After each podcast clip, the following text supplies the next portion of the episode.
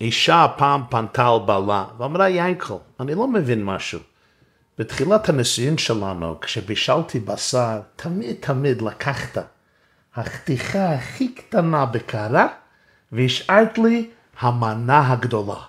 עכשיו, עברו עשרים שנה והכל השתנה, אתה לוקח החתיכה הכי גדולה. מה קרה? האהבה נעלמה?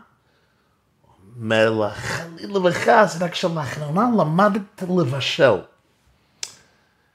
יש בני זוג שבאים וטוענים, אישה אומרת, אני רוצה שבעלי ירגיש מה אני צריך, מה אני רוצה, למה אני זקוק, שירגיש אותי, אני לא צריך להגיד הכל בפירוש. הגבר, הבעל לפעמים אומר, אני רוצה שאשתי לבד מה לעשות עבורי, אני צריך לבקש, להתחנן, להגיד, זה, זה מביש, אני רוצה שהיא תבין לבד. האם הם צודקים? האם זו פנטזיה בלתי ריאלית? האם אפשר לבוא בטענות כשזה חסר? מה לדעתכם מבטא את הקשר הבריא והעמוק בבני זוג? עוד נחזור לכך בעזר השם, תישאר, תישאר איתנו בבקשה כמה דקות. אני משנה נושא לכאורה, לא באמת משנה נושא. מישהו שאל אותי שאלה כללית מאוד על היהדות, על כל מערכת דת היהד, היהודית. היהדות מורכבת כידוע מחיובים שהם נקראים חיובים מן התורה או מדאורייתא. כלומר מצוות עשה או מצוות לא סתה המפורשות בתורת משה רבנו. שמירת שבת, הנחת תפילין, קביעת מזוזה על פתח הבית, אכילות, אכילות בהמות או דגים כשרים, נתינת צדקה לעניים, להתענות ביום הכיפורים, לשמוע שפה בראש השנה, ליטול לולב ביום ראשון של חג הסוכות וכולי וכולי. יש הרבה חיובים שהם רק חיובים מדרבנן, מדברי סופרים, שנתוספו במשך הדורות של אחרי זה, כמו המצווה, במיוחד על נשים ובנות, להדליק נרות לפני שבת, לפני חגג, לפני חג, אה, נטילת ידיים לפני אכילת לחם, להתפלל שלוש פעמים ביום, תפילת שחרית, תפילת מנחה, תפילת ערבית.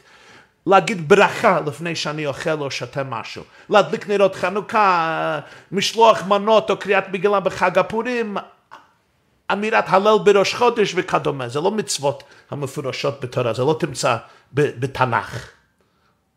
זה חיובים מדברי סופרים מדרבנן. ויש סוג שלישי, יש דברים שהם בכלל לא חיובים, הם נקראים מנהגים, מנהגי ישראל. נגיד לטבול תפוח בדבש בליל ראש השנה. Uh, בשמחת תורה, לרקוד עם ספרי התורה בבית הכנסת סביב הבימה, מה שאנחנו קוראים הקפות. דבר כזה, זה לא רק מפורש בתנ"ך, לא תמצא מפורש במשנה. זה לא בגמרא, זה גם לא ברמב"ם, זה ברמב"ם, זה מנהג ישראל. שאל אותי אלא ממה נפשך?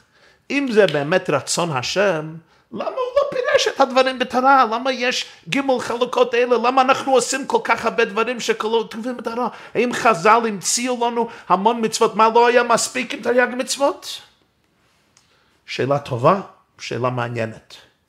מכאן לעוד שאלה. השמחה העיקרית, שיא השמחה, אצל כלל ישראל, בבתי כנסיות, בבתי מדרש, בקהילות יהודים בארץ ובתפוצות בכל העולם כולו, זה בהקפות. הקפות של שמחת תורה, שמיני עצרת, שמחת תורה.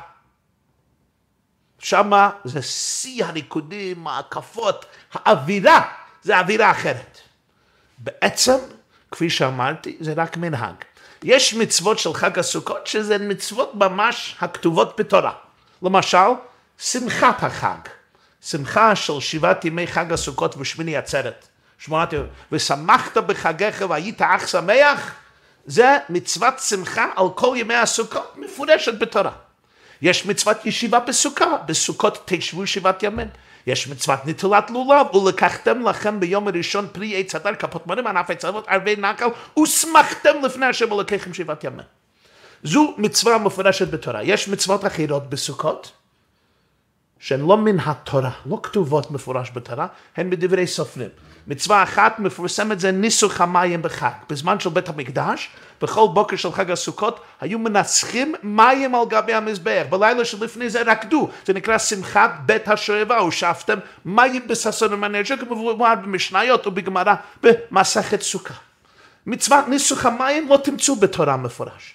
כתוב על מצוות ניסוך היין, היו מנסחים יין בכל בוקר על גבי המזבח. זה מצווה, נקרא מצווה מדברי סופרים והגמרא בתענית ת"ב לומד את זה מרמזים בפסוקים, לומדים העניין של ניסוך המים, למשל רבי יהודה במסעדה אומר שכתוב ביום השני של חג הסוכות, במעמד בפרק כ"ט, ונזקיהם, ביום השישי נאמר, ונסחיה, ביום השביעי נאמר, כמשפטם, יש פה מ' יתרה, י' יתרה, מ' יתרה, ונזקיהם, ונסחיה, כמשפטם, מ' י' מ' זה מים. רמז לניסוך המים מן התורה. רבי עקיבא אומר, כתוב ביום השישי, ונסחיה לשון רבים, צריך להיות כתוב, ונסקה, בשני ניסוחים הכסוף מדבר. כלומר, החכמים מצאו רמז בתוך התורה למצוות ניסוך המים, זה לא מפורש בתורה. הצדוקים לא האמינו בזה. הם מאמינים רק בדברים שבתור שבכסף, לכן יש הסיפור בגמרא, אנחנו יודעים מי יוסיף את זה, אלכסנדר ינש, שהיה צדוקי כהן, שניסח את המים על גבי רגליו, ורגמו כל העם באתרוגיהן, ההשלכות היו חמורות. למה? כי זה לא מפורש בתורה. אולי זה הלכה למשה מסיני, מה זה הלכה למשה מסיני? לפי הרבה שיטות, זה נמסר מדור לדור בעל פה על ידי חכמי ישראל. אחר כך יש הקפות.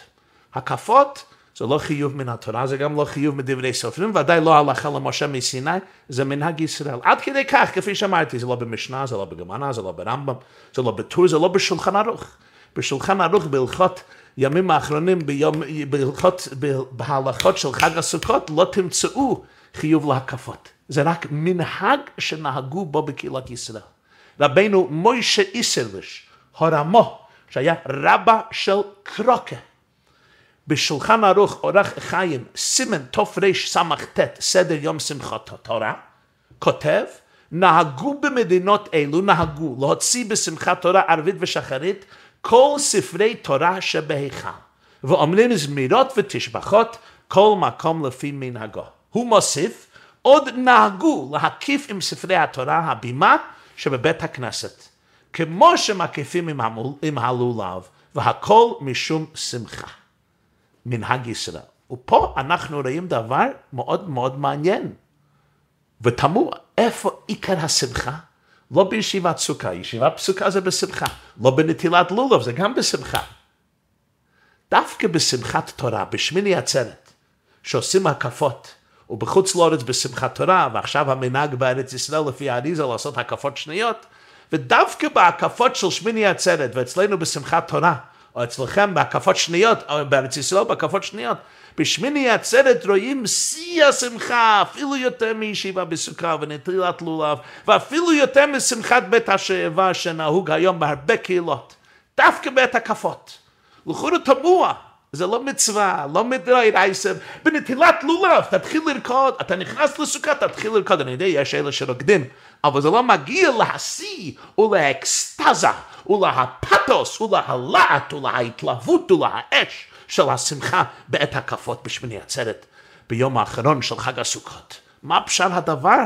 זה, זה הרי אפילו לא חיוב, זה לא מצווה, זה סתם מנהג שהנהיגו ישראל שבכלל לא נתחייבו בעניין זה מאת הקדוש ברוך הוא.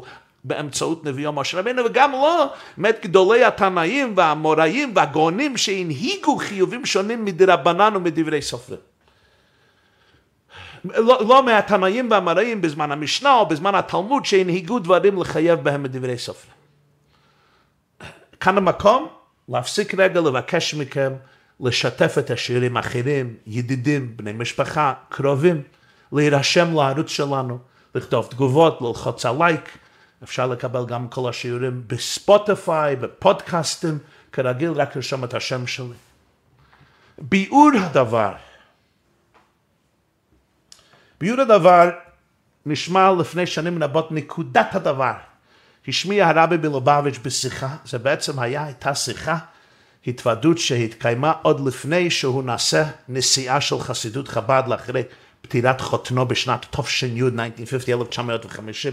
זה היה בשנים של לבני, זה היה באמריקה, הוא היה חתנה דבינתי, חותנו של האדמו"ר השישי לבית חב"ד רבי יוסף יצחק. ואחד מהמשתתפים שם בחרם, זה לפני זמני, סיפר את הנקודה שהרבי דיבר, וזוהי הנקודה. ההמחשה והמשל זה שלי, אני מוסיף את זה כדי להמחיש את הדבר, אבל נקודת הדבר, הביור, מגיע מהרבי מלובביץ'. יש בעצם שלושה שלבים ביחסים בין בני זוג, ובעצם בין כל שני בני אדם שמקשרים את חייהם יחד. אם זה שני חברים טובים ידידים, אם זה אב ובן, אמא או בת, אב או בת, אמא או בת, אם זה רב ותלמיד, אדון ועבד, שמתקשרים כמו אליעזר ואברהם אבינו, אלישע ואליהו הנביא, רבה וחסיד, רב אמיתי ותלמיד אמיתי, בכל קשר חם, אוהד, קשר שבנוי על אהבה, מסירות ונאמנות, יש, הייתי אומר, שלוש שכבות, השלוש דרגות זו למעלה מזו. אנחנו ניקח את המשל הריאלי מעשים בכל יום בין בני זוג, יחס של זוגיות זוג נשוי. סימן הבסיסי, סימן ההקר הבסיסי של נישואים אוהבים ומסורים, הוא הנכונות של כל אחד מבני הזוג למלא את רצונו המפורש של בן בת הזוג האחר. אם אחד מבני הזוג מביא בקשה, תחינה, רצון למשהו, השני יעשה כל שביכולתו או ביכולתה כדי להביא להגשמת הרצון הזה. אם חסר מרכיב זה, קשה מאוד לזוגיות. קשה מאוד, אה, זה לא יכול לעבוד. זוהי נאמנות הבסיסית. את מבקשת ממני משהו, ואני מוכן לבצע את זה. או להפך, אני מבקש ממך משהו ואת מוכנת לבצע. זה מרכיב בסיסי, ובוא נודה לעצמנו בכנות, אם מרכיב זה קיים בזוגיות כל יום, כל שבוע, כל שנה, שהחיינו וקימונו וגיונו לזמן הזה. זה די טוב, ברוך השם. אבל יש אהבה עמוקה יותר, שמופגנת, כאשר כל אחד מבני הזוג שואף להגשים את רצונו המשתמע של האחר. גם מה שהם לא יגידו בפירוש, לא יבקשו, לא יפקדו, לא יגידו, אני צריך את זה, אני רוצה את זה. זה משתמע, זה רמז. לבן הזוג המסור באמת, לא משנה אם הרצון הובא במפורש או רק ברמז. הוא או היא יבצעו אותו באותה מסירות ומחויבות לסיפוק של האהוב. למה? אם אני מחפש התנצלויות איך לצאת מזה, אם אני מחפש סיבה לא לעשות את זה ולמצוא הצדקה, אז יש לי הצדקה הכי טובה. אני לא הבנתי מה את אומרת, היית צריכה לדבר דוגרי, את מדברת ברמזים או ברמזים שמימים, אני לא נביא, אין לי רוח הקודש, אני לא אישה, אני לא יכולה לגמור משפטים שלך. סארי, זה אם אני מחפש התנצלות. אבל אם יש ככה נאמנות עמוקה יותר, אם יש באמת אימון ותקשורת ואהבה ונאמנות, אני לא מחפש התנצלויות, להפך, זה זכות עבורי לעשות מה שאת רוצה. או זה זכות עבור האישה לעשות מה שהבעל רוצה. איזה רמז מספיק, לא צריך עוד. הבנתי את הרמז, תפסתי את זה, אני הולך לבצע את זה. עוד דבר, אם אכפת לי, אני קשוב להלב, להדופק, למוח, לנשמה של הזולת, של השני, של השנית. אז אני מבין את הרמז. אני קשוב להרמזים. אם לא אכפת לי, זה אפילו מה שאת אומרת בפירוש, אני לא כל כך קשוב. אם אני, קש... אם אני אכפת לי, זה דבר ראשון, אני קשוב לרמז, אני מבין את זה, ודבר שני, אני לא מחפש התנצלות, אני הולך לבצע את זה. אבל עכשיו יש שלב שלישי. יש מצבים מיוחדים בתקשורת, ב- ב- בידידות, בזוגיות, שבהם אין צורך אפילו ברמז. הקשר בין הבעל והאישה, או בין הרבה והחסיד, או בין הידידים, החברים, או הרב והתלמיד, או האבא והילדים, הילדים ואבא או אמא, כל כך עמוק, שכל אחד, לפעמים לפחות, יודע באופן אינטואיטיבי מה השני רוצה. אתה לא צריך לספר לי, אתה אפילו לא צריך לרמז לי. לא צריך לעבור בחנות ותגידי איזה משפט שממנה אני, אתה לא צריך, את לא צריכה לרמזים, את לא זקוקה לדבר בפירוש. אני מרגיש, באופן אינטואטיבי אני מרגיש, באינטואציה שלי, מה השני הייתה רוצה, מה השני מרגיש, ואני כבר עושה את זה. וואו, אבל פה צריך להגיד משהו חשוב. זה דבר זה, דרגה שלישית זו, ואפילו דרגה שנייה, לא יכול להיות ציפייה ותנאי שיגרום לאכזבה אם זה לא קורה בפועל. כאילו, אם זה לא קורה בזוגיות, לבוא בטענות, למה הוא לא מנחש, למה הוא לא מבין, זה ממש לא הוגן. קשה לגברים לתפוס את הרמזים של אנשים.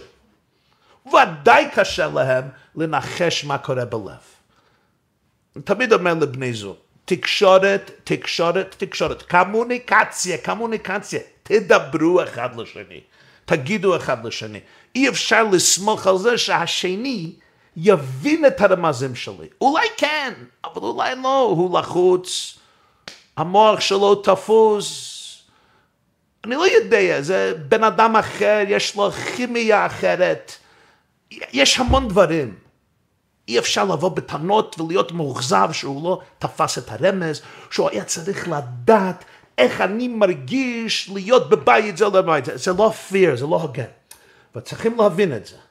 זה דרגה נפלאה, אבל זו דרגה. זה, זה משהו שצריך לעבוד על זה, צריך התפתחות, ואולי זה לא יקרה, וזה לא פירוש שהנישואים זה חס ושלום נישואים גרועים שלא יכול לעבוד. צריכים להיות רגיש לעובדה, צריך תקשורת.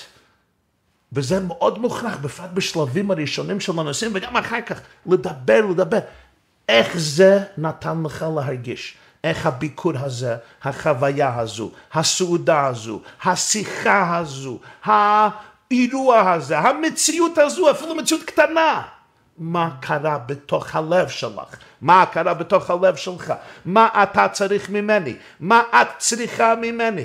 מה אתה צריך לשמוע עכשיו? מה את צריכה לשמוע עכשיו? מוכרח תקשורת ועוד תקשורת ועוד תקשורת. ולהפך, כשיש תקשורת כזו בפירוש, אז אחד יכול ללמוד על השני יותר ויותר ויותר.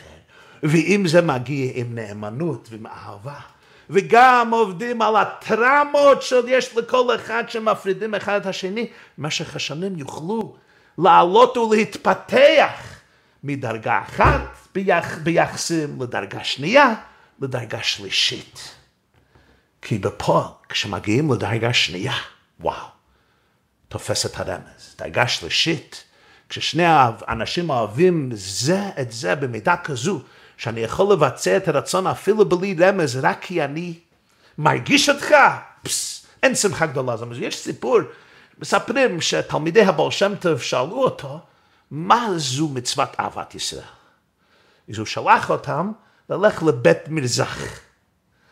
זה היה בית שבו שתו איכרים פולנים ואוקראינים לשקרה, יין שרף, משקה, וודקה, כמנהג, כפי שהיה נהוג שם, והם, היה מוזר איך הם ילמדו באותו בית על מצוות אהבת ישראל. אבל הבעל שם טוב אמר, עשו, והלכו. והם יושבים על שולחן, הם לא יודעים בדיוק מה לעשות, אבל הם שומעים שיחה בין שני איכרים, פוירים, לא יהודים, אוקראינים או פולנים יושבים ושותים וכבר שתו הרבה והם די שיכורים, inebriated. ואחד פונה לחברו ואומר, מה מעיק לי? מה מעיק לי? הוא אומר, איך אני אמור לדעת? אתה חבר טוב שלי? היית חבר טוב שלי, למה אתה לא יודע מה מעיק לי? למה אתה לא יודע מה מעיק לי? לפחות שתדע שמשהו מעיק לי. אשרי מס, איך אומר בתהילים, אשרי משכיל אל דל. להיות קשוב. אם אתה קשור אליי, אולי אתה לא יודע מה מעיק לי, אבל שתדע שמשהו מעיק לי, כן?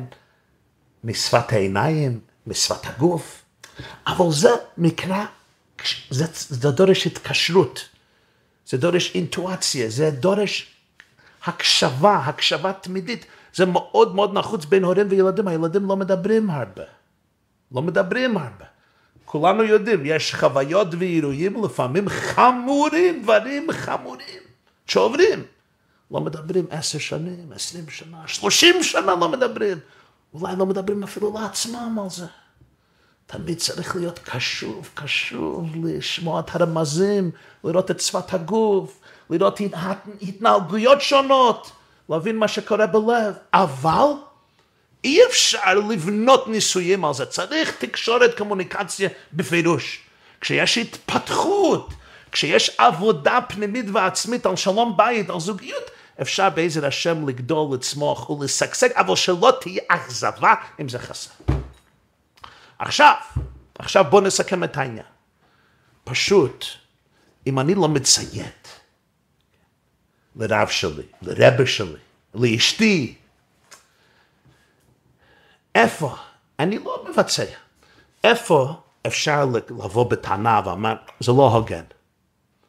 כמובן, בשלב שני, ובוודאי בשלב שלישי, אי אפשר לבוא בטענות. מה, לא ניחשתי? כן, אני לא נביא. לא הבנתי את הרמז, אני לא מבין מה זה.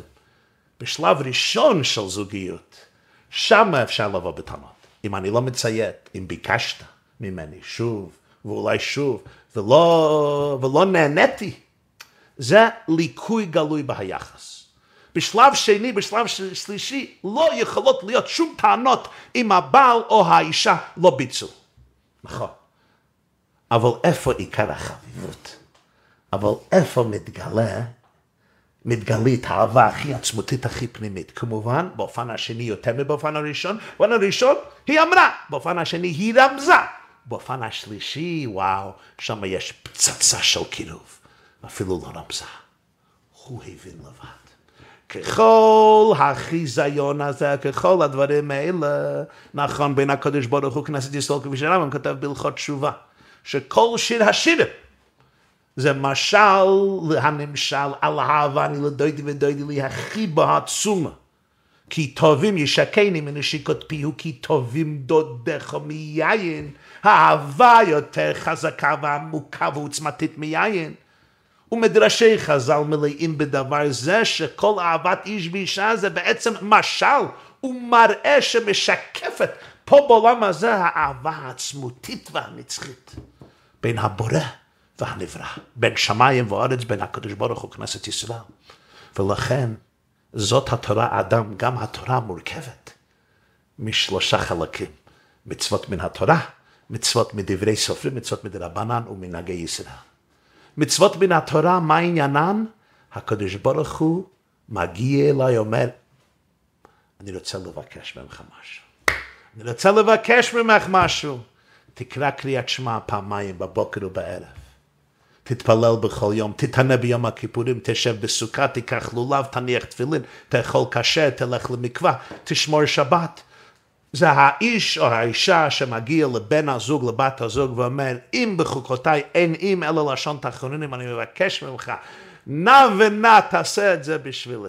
אני רוצה את זה, אני צריך את זה, אני מבקש ממך נחת רוח לפניי שאמרתי ונעשה רצוני, אהבתי אתכם אמר השם, היחס הזה נוגע מאוד. זה שלב אחד. אחר כך יש שלב שני, חלק שני מן היהדות. מצוות מדרבנן. מה זה מצוות מדרבנן? לא סתם הגיעו רבנים והחליטו, החיים היהודים לא מספיק מסובכים, צריכים להוסיף משהו.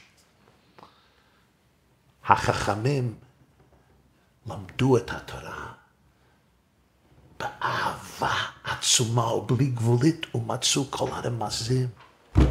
יש גמרא במסכת תענית, דף ט', רבי יוחנן אמר, לקמידה בכתובת אלא רמיזי ברייתא, אפילו נביאים וכתובים הכל רמוז בתורה.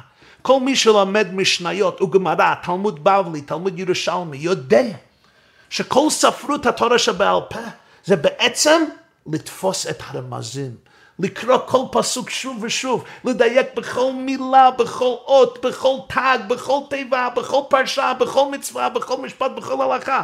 למה נכפלה המילה הזו? למה המילה הזו משתמשים בה פעמיים? אם זה קל וחומר גזירה שווה בניין אב, ראשי תיבות, גימטריות, דברים שהוכפלו. למה כתוב פעם אחת, פעם שנייה, פעם שלישית? למה כתוב עם ווב בסוכות עם ווב, בסוכת בלי ווב? וואו, מה הרמז של האהוב שלי? אשתי נותנת לי רמז, בעלי נותן לי רמז, מה הרמז? חכמינו זכרם לברכה תפסו את הרמזים, ומזה נבנית תורה שבעל פה. כלומר, תורה שבעל פה נצמח מתוך תורה שבכתב. זה לא איזה אה, חס ושלום, משהו עצמאי נפרד, זה הכל חלק מהשלמות של התורה שבכתב. להבין מה משמעות התורה. אפילו כתוב בסוכות, לקחתם לכם ביום הראשון פרי עץ הדר, לא כתוב אתרוג, מה זה פרי עץ הדר? אנחנו יודעים ממסורה בכל שנה שלוקחים אתרוג, למה כתוב פרי עץ הדר? זה מסכת סוגיה, יש סוגיה. פרי עץ הדר, אין נקודות, אז אפשר לקרוא פרי עץ הדור. כי אתרוג זה פרי היחיד שדר באילנו משנה לשנה. הוא לא שייך לתקופה מסוימת, קיץ, חורף, סתיו, אביב. אתרוג נשאר על האילן במשך כל תקופות השנה, לא נרקב, לא נופל, לכן יכול להיגדל ולצמוח, כי יכול להישאר על אילן כמה וכמה שנים. הכל במילה אחת, הודור, הדור. חז"ל הם אחרים לדעת מה ההשלכות של המצוות האלו למצבים אחרים שלא מפורשים בתורה. לפעמים גם מוסיפים איסורים לחזק דברי התורה כמו שעושים גדר סביב משהו מסוכן. לפעמים מוסיפים מצווה כמו פורים וחנוכה כדי לחגוג נס וכולי. חז"ל בהנקודה היא תפסו הרמז האלוקי ומזה יצרו מצווה. כל חיוב דרבנן מרומז באיזשהו אופן בתורה, אולי תיבה אחת מיוסדת. זה רמז מהשם, זה שלב השני באהבה. אה, אחר כך יש מנהגי ישראל. מה זה מנהג ישראל? מנהג זה סוג חדש. ליהודי, לנשמת ישראל, יש אינטואציה אלוקית. יהודי משער. היית, ככה אמר הרבי, היית שטלצך כבר, was der Eberste wollt gewollt. Yehudi, nishmat Yehudi, chavuka ודבוקה בך, טוענת ולך יחידה ליחדך. לעם ישראל יש רוח הקודש קולקטיבי. נשמת היהודי, נשמת האומה, קשובה למוזיקה האלוקית הכי עמוקה בבריאה. איך אומרת הגמרא בפסחים, הנח להם לישראל הם לא נביאים הם, בני נביאים הם. המוזיקה האלוקית משחקת איך אומר רבי יהודה הלוי, אני כינור לשירייך לירושלים. נשמת היהודי זה כינור לשירי הבורא. הוא מרגיש מה שם היה רוצה, זה מנהג ישראל. זה מה שהיהודים עושים במנהג ישראל. ולכן פה עיקר השמחה.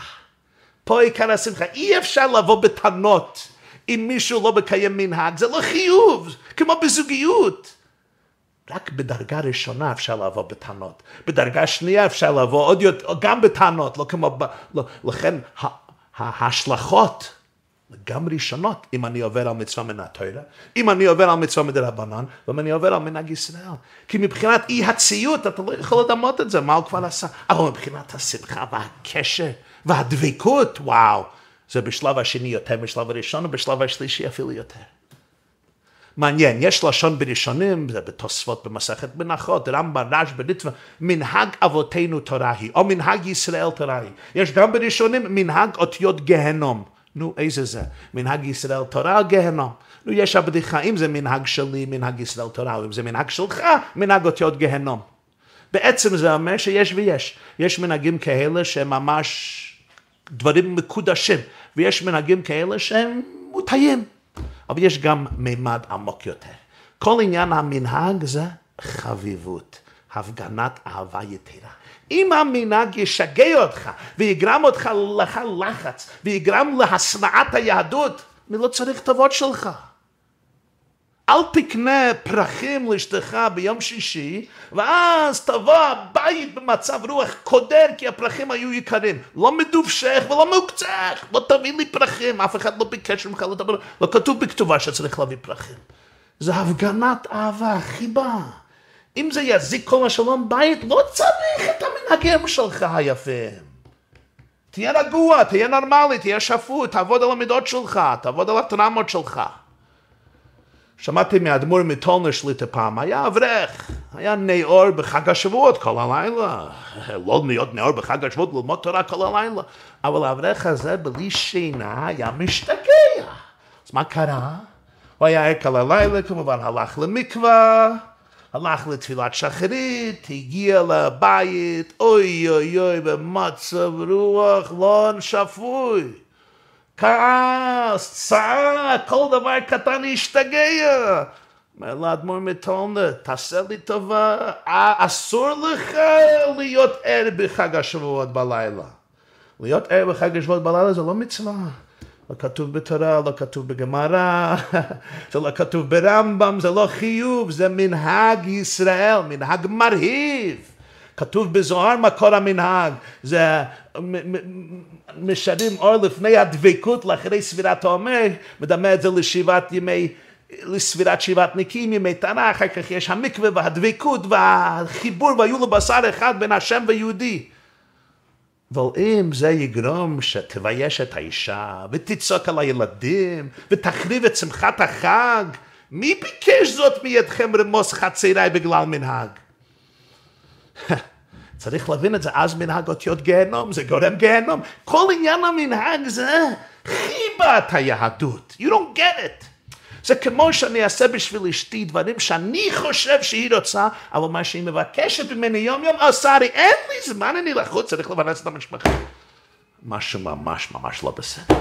זה הכל חלק מיחס בריא. יחס שעובדים על זה. מנהג ישראל תורה הוא, מנהג ישראל הם קודש קדושים, אבל אם לא תופסים מהו עצם נשמת המנהג, זה יכול להיות גיהנום. יש סיפור נפלא, אולי סיפרתי פעם. אדמו"ר הרייץ מלובביץ', היה אדמו"ר השישי לבית חב"ד, הזכרתי אותו קודם, רבי יוסף יצחק נפטר בשבט תש"י. ידעו אצל החסידים מקפידים מאוד על מצה שרויה, גברוקט, שהמצה לא, ת, ת, לא, לא תיגע במים.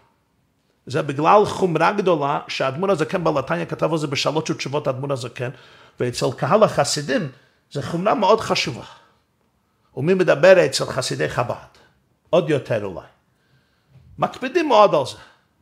על כל פנים, ישב מישהו בטיש בשולחן חג של אדמו"ר הריית, אדמו"ר השישי לבית שהקפיד מאוד על מנהגי ישראל ומנהגי החסידים, והיהודי הזה לא היה מהקהילה שמה, אז הוא טבל את המצה בבורשט. בבורשט, אתם יודעים מה זה בורשט. יש, עמדו שם בחורים, אוי אוי אוי, הם היו יכולים להאמין על שולחנו של הרבי מלובביץ' אדמו"ר הרייץ, הוא לוקח את המצה ועושה מזה מצה שרויה, התחיל בלאגן שם בסוף השולחן. הרבי שאל את החסיד רב שמואל לויטין שישב לידו, מה קורה שם? אז הוא בירה, והוא מספר לרבי שהוא לקח את המצה וטבל את זה בתוך הבורשט. הליטני מן האדום האדום הזה, הוא טבל את המצה באדום האדום הזה. אמר הרבי, בסר הרויתם מצה והרויתם פונים. הרבה יותר טוב מצה אדומה מפנים מסמיקות ואדומות בבושה. מצוות חודש תשרי מתחלקות לשלושה, לשלוש קטגוריות. יש מצוות מן התורה, תקיעת שופר, צום יום כיפור, אכילה בסוכה, נטילת לולב. שמחה גדולה, שמחה של זוגיות במדרגה ראשונה. יש מצוות דרבנן, היו מצוות שהנהיגו החכמים או הנביאים בסמכות שהעניקה להם התורה. למשל, חמשת תפילות ביום כיפור. נטילת ארבע מינים בכל שאר ימי הסוכות לבד מיום ראשון. ניסוך המים על המזבח בכל בוקר של סוכות מדברי סופרים. ואחר כך יש הרבה מנהגים. תפוח בדבש בליל הראשון של ראש השנה, עריכת הכפרות בערב יום הכיפורים. המנהגים האלה לא מחויבים על פי ההלכה, גם לא מדברי סופרים. זה דברים שיהודים יזמו כדי להעצים את הקשר שלנו עם בורנו. ומעשי מנהג הקפות בשמחת תורה. מנהג בלבד. ופה רואים דבר מעניין. אכילה בסוכה מעוררת שמחה. ניסוך המים שלא כתוב בתורה, שמחה הרבה יותר גדולה. כל מי שלא ראה שמחת בשם לא ראה שמחה מימיו, כך כתוב בגמרא בסוכה. במשנה בסוכה פרק ה'. פרק ה' בהתחלה. לא מבין. סוכה זה מצווה מפורשת מן התורה, ניסוך המים, כתוב ושאבתם מים בששון. שמזה למדו שבנביאים כתוב שצריך להיות בששון, כך יש סוגה במסכת סוכה. אבל זו לא מצווה מפורשת בתורה. שם השמחה יותר גדולה. למה? כי כשבן הזוג תופס את הרמז ומבצע את זה, שם מתבטאת אחדות יותר עמוקה. אבל איפה שיא השמחה? בהקפות. לכאורה רק מנהג. פה מתגלית האינטואציה האלוקית, הרגשית, העמוקה, הרוחנית של כנסת ישראל. איך אומר בזוהר שבשמחת תרא, בשמיני עצרת, זה יהיו לך לבדך ואין לזרים איתך, בואו ונגלגל אני ואתה. כך לשון המדרש. ישראל ומלכא בלחודוי, זה לא ריקוד אינטלקטואלי, זה ריקוד של עצמיות. זה ריקוד של ישראל וקודשא בריך הוא כולא חד. זה דבקות נפלאה אינסופית. ריקוד של עצמיות גם נותנת אמון באינטואציה היהודית, האינסטינקט הנפשי.